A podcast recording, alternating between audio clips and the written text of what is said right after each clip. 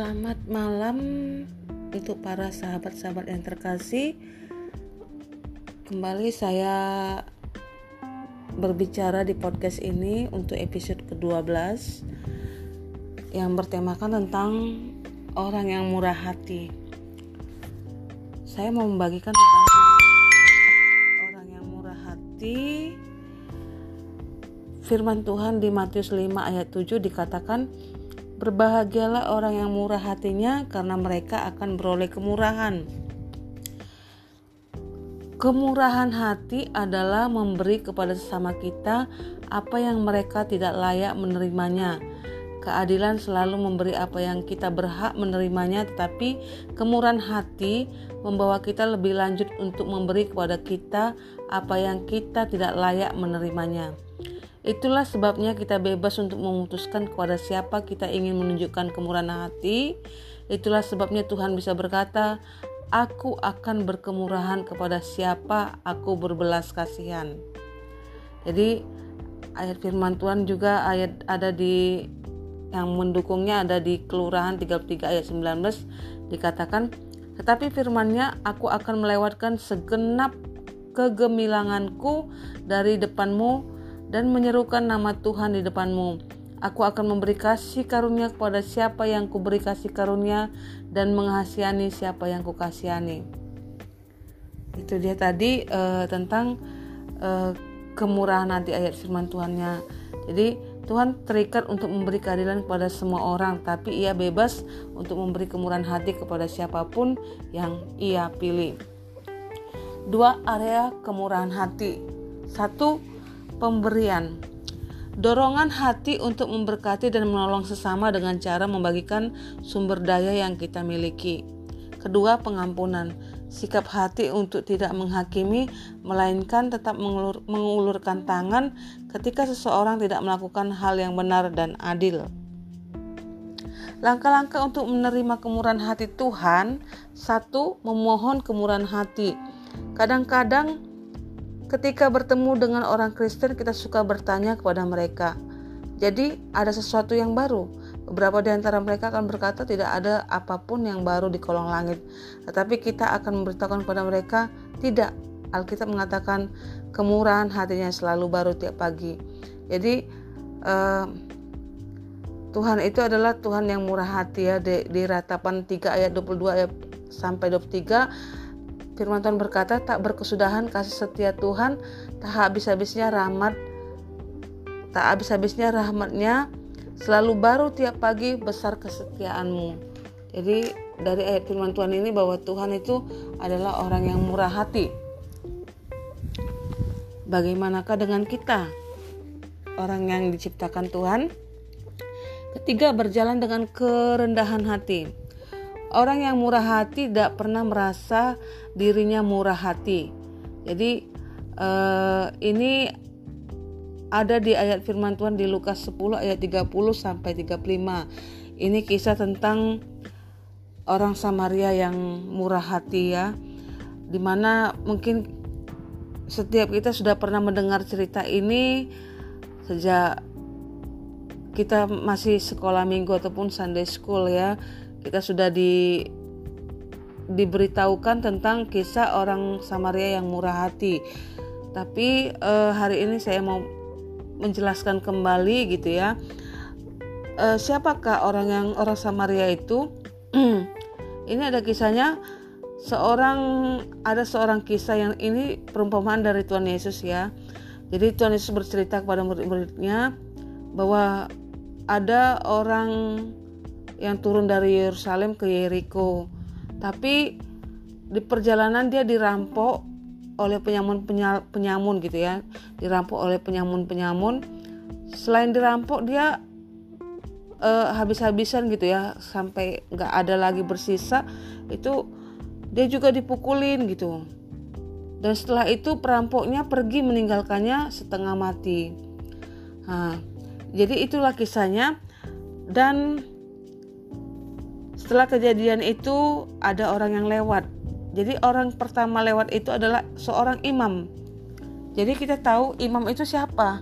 Imam itu adalah uh, pemimpin agama gitu ya. pemimpin agama. Imam imam itu lewat tapi ia melewatinya dari seberang jalan ya. Jadi nggak ditolongnya yang dirampok oleh penyamun tersebut, dibiarin aja gitu di jalan ya. Terus kedua orang Lewi lewat gitu ya ke tempat itu. Jadi orang Lewi itu melihat tapi dia melewatinya. Siapa ke orang Lewi itu?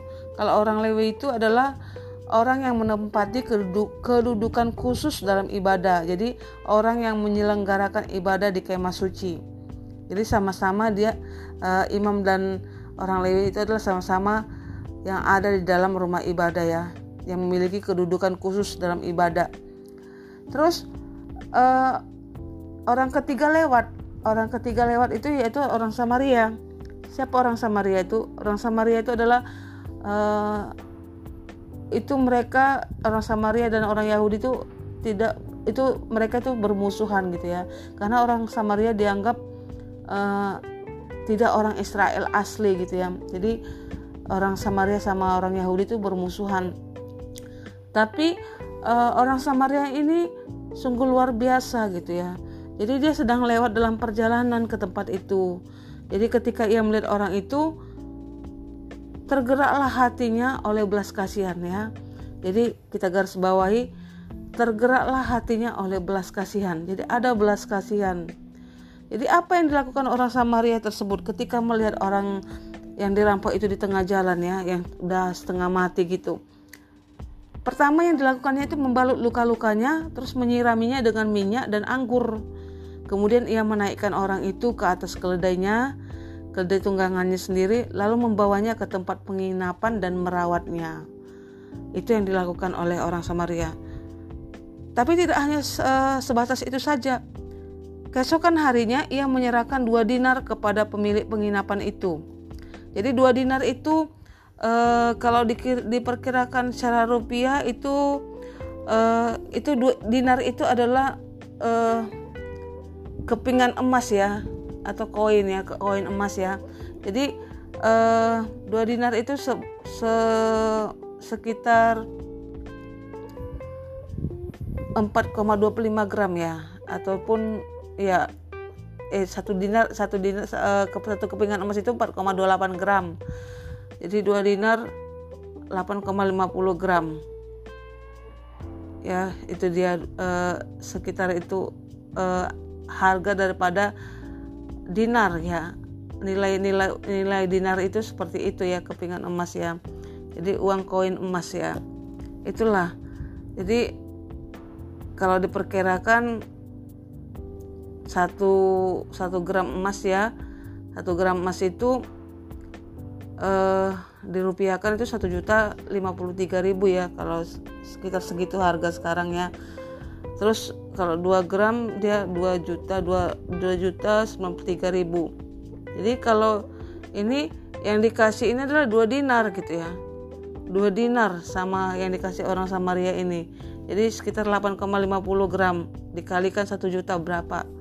Jadi itulah yang diberikan oleh orang Samaria itu kepada pemilik penginapan itu. Jadi katanya, rawatlah dia dan jika kau belanjakan lebih dari ini, aku akan menggantinya waktu aku kembali. Bayangin, sudah di sudah dibalutnya luka-lukanya, disiramin dengan minyak dan anggur oleh orang Samaria ini, kemudian dibawa di atas keledainya, dibawa kepada penginapan ya, ke tempat penginapan, baru diserahkan lagi uh, karena mungkin dia melanjutkan perjalanan ya, ada bisnisnya gitu ya, ada pekerjaannya seorang seperti seorang saudagar gitu. Jadi dia menyerahkan dua dinar kepada penginapan uh, pemilik penginapan itu supaya merawat orang yang terluka tadi, orang yang kena rampok tadi ya. Jadi dan dia berpesan kalaupun kurang ya nanti saya kembali lagi saya akan menggantinya. Jadi luar biasa gitu ya. Jadi menurut kita siapakah di antara ketiga orang ini mendapatmu adalah sesama manusia? Ya tentu saja adalah orang yang menunjukkan belas kasihannya. Jadi uh, itulah pertanyaan Tuhan kepada murid-muridnya dan Tuhan bilang pergilah dan perbuatlah. Jadi uh, dari nomor tiga ini berjalan dengan kerendahan hati yaitu adalah uh, perempuan tentang orang Samaria tadi bahwa orang yang murah hati itu tidak pernah merasa dirinya murah hati. Jadi orang yang murah hati itu adalah seperti orang Samaria, orang yang merawat dan membantu orang yang dirampok tanpa pamrih gitu ya. Jadi dia menolong tanpa pamrih, tanpa ada udang di balik bakwan ataupun ada uh, menolong atau misalnya kayak kayak sekarang menolong uh, supaya namanya terkenal ataupun uh, supaya viral gitu ya. Uh, apa supaya ada banyak motivasi-motivasi orang dalam memberi gitu ya. Tetapi kalau mau uh, kalau mau kita disebut orang murah hati adalah orang yang memberi tanpa pamrih gitu ya. Jadi seperti orang Samaria tersebut. Jadi kalau mau melihat orang murah hati adalah seperti orang Samaria, memberi tanpa pamrih, tanpa ada motivasi-motivasi yang lain gitu ya, motivasi-motivasi yang tidak murni. Uh, selanjutnya tuh hidup di dalam kemurahan Tuhan. Ketika kita mempraktekkan kemurahan hati sebagai sebuah kebiasaan dalam hidup kita, kemurahan Tuhan berlaku atas kita dengan berkelimpahan. Jadi dampak kemurahan hati itu yaitu satu hidup di dalam kemurahan Tuhan. Ya. Kalau mau melihat dampak kemurahan hati itu hidup di dalam kemurahan Tuhan ya, dampak kemurahan hati. Ketika kita bermurah hati, kita akan melihat dampaknya, hidup di dalam kemurahan Tuhan. Hidup di dalam kemurahan Tuhan ya. Kedua, menghadirkan kerajaan Allah. Jadi eh, ketika kita bermurah hati itu memiliki dampak kita akan menghadirkan kerajaan Allah gitu ya.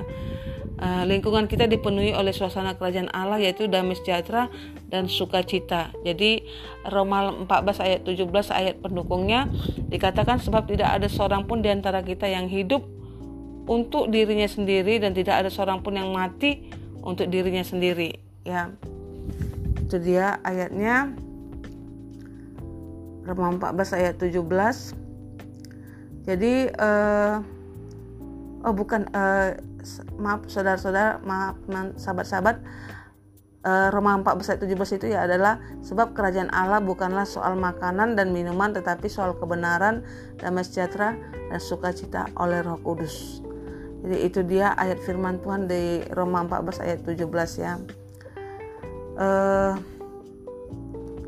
demikianlah tentang kemurahan hati yang saya bahas pada malam hari ini bahwa kemurahan hati adalah pelayanan Tuhan kepada orang yang keadaannya menyedihkan. Jadi uh, berbahagialah kita jika kita memiliki kemurahan hati. Berbahagialah orang yang murah hatinya karena mereka akan beroleh kemurahan. Jadi bukan uh, ketika kita bermurah hati bukan manusia yang membalasnya gitu ya. Jadi ada banyak kita menganggap ada kadang uh, misalnya kita ada uh, pernah membantu seseorang gitu ya. Kita berharap ada banyak orang berharap bahwa orang yang kita kita bantu itu akan uh, membantu kita kembali gitu ya. Nah itu bukan murah hati tapi itu barter ya pemberian barter ya. Uh, itu pemberian yang ada hubungan sebab akibat gitu atau misalnya hubungan timbal balik gitu ya tapi orang yang murah hati sungguh sesungguhnya orang yang murah hati yang sungguh-sungguh itu adalah orang yang e, memberi tanpa pamrih gitu. Jadi ketika kita memberi tanpa pamrih, kita memiliki kemurahan hati, maka kita akan beroleh kemurahan langsung dari Tuhan, bukan dari orang yang kita tolong, bukan dari manusia. Jadi ada banyak orang yang awalnya bermurah hati ataupun orang yang uh, membantu orang gitu. Tapi banyak juga yang membantu orang itu kecewa karena uh, orang yang dibantu itu tidak dapat memberikan timbal balik gitu ya. Tidak mendapat mengembalikan ataupun uh, tidak dapat istilahnya diharapkan gitu ya. Padahal sebenarnya kalau kita murah hati misalnya memberi kepada seorang itu udah urusan kita dengan Tuhan gitu jangan kita libatkan orang-orang yang kita tolong itu uh, untuk boleh membalas kebaikan kita. Jadi ada pernah saya mendengar gitu ya, ada pernah itu si Anu itu udah ditolong tapi nggak tahu berterima kasih kata misalnya gitu seperti itu. Uh, dia nggak bisa istilahnya orang berharap gitu. Jadi banyak orang kecewa gitu. Ketika dia memberi dia tidak mendapatkan timbal balik ataupun misalnya barteran gitu. Jadi ada banyak orang salah dalam berkemurahan hati gitu ya salah memberi gitu ya. Jadi kalau kita mau Tuhan langsung yang membalas kebaikan kita ya kita jangan jangan memberi itu tanpa pamrih gitu ya. Jangan memberi dengan ada maksud-maksud motivasi yang lain tapi memberilah tanpa pamrih tanpa uh, mengharapkan imbalan dari apa yang kita beri gitu ya. Supaya kita mendatangkan kerajaan Allah di mana pun kita berada. Ketika kita menebarkan ataupun menabur kebaikan tersebut gitu ya. Jadi kita nggak hidup untuk diri kita sendiri gitu jadi kita menjadi berkat di mana pun kita berada gitu. Jadi uh, ini dia tentang kemurahan hati ya. Kemurahan hati supaya kita tidak uh, salah persepsi ataupun salah mengartikan gitu. Karena ada banyak orang-orang yang saya dengar juga kecewa gitu. Awalnya uh, suka memberi atau kemurahan. Tetapi akhirnya tidak memberi lagi gitu ya nggak tahu gimana apakah motivasinya apa gitu. Ya kita tidak tahu tapi kalau kita uh, sudah memberi jangan kita minta ataupun kita mengharapkan timbal balik dari orang yang sudah kita beri. Ya tapi biarlah itu jadi urusan kita dengan Tuhan gitu ya. Jadi tanpa kita minta pun ketika kita bermurah hati Tuhan yang membalaskan gitu ya. Tuhan yang Tuhan itu maha baik ya. Dia berkemurahan. Kemurahan hati dia tidak pernah pelit tidak pernah sedetik pun ya. Uh, hitung-hitungan gitu. Itulah Tuhan kita. Jadi itu saja yang mau saya bagikan. Uh, sekali lagi saya mengucapkan terima kasih untuk sahabat-sahabat yang masih setia mendengarkan podcast saya uh, mohon maaf kalau seharusnya minggu lalu saya membagikannya ataupun uh, sharing tentang kebenaran firman Tuhan di podcast ini.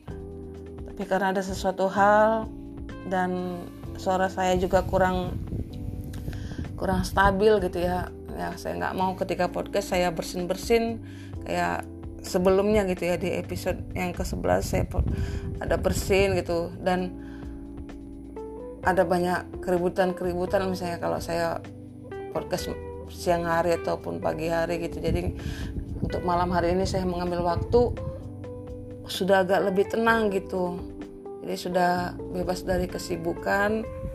Jadi saya eh, saya juga membagikan podcast ini saya berdoa terlebih dahulu gitu. Jadi saya nggak mau sembarangan membagikan sesuatu gitu. Kalaupun ataupun itu uh, nggak saya dapatkan gitu. Misalnya uh, saya belum dapatkan sesuatu hal atau uh, mempelajarinya apa artinya gitu ya. Jadi walaupun ini masih istilahnya yang saya bagikan tidak sehebat daripada hamba-hamba Tuhan yang sudah dipakai luar biasa gitu. Tapi satu hal saya membagikan kebenaran firman Tuhan ini di podcast ini uh, ya tujuan saya cuma mau menjadi berkat saja gitu ya. Uh, siapa tahu ketika mendengar podcast ini yang mendengarkannya diberkatin gitu. Ada dapat pencerahan pewahyuan atau apa pun ya. Di Tuhan berbicara lewat media dari berbagai apa pun Tuhan bisa berbicara dari media apa pun gitu ya. Penting kita peka mendengar suara Tuhan. Itu saja untuk malam hari ini Terima kasih untuk sahabat-sahabat semuanya. Tetap semangat, tetap terus melakukan kebenaran firman Tuhan dan tetap menjadi orang-orang yang berkenan di hadapan Tuhan. Terima kasih. Tuhan Yesus memberkati kita semuanya. Selamat malam. Amin.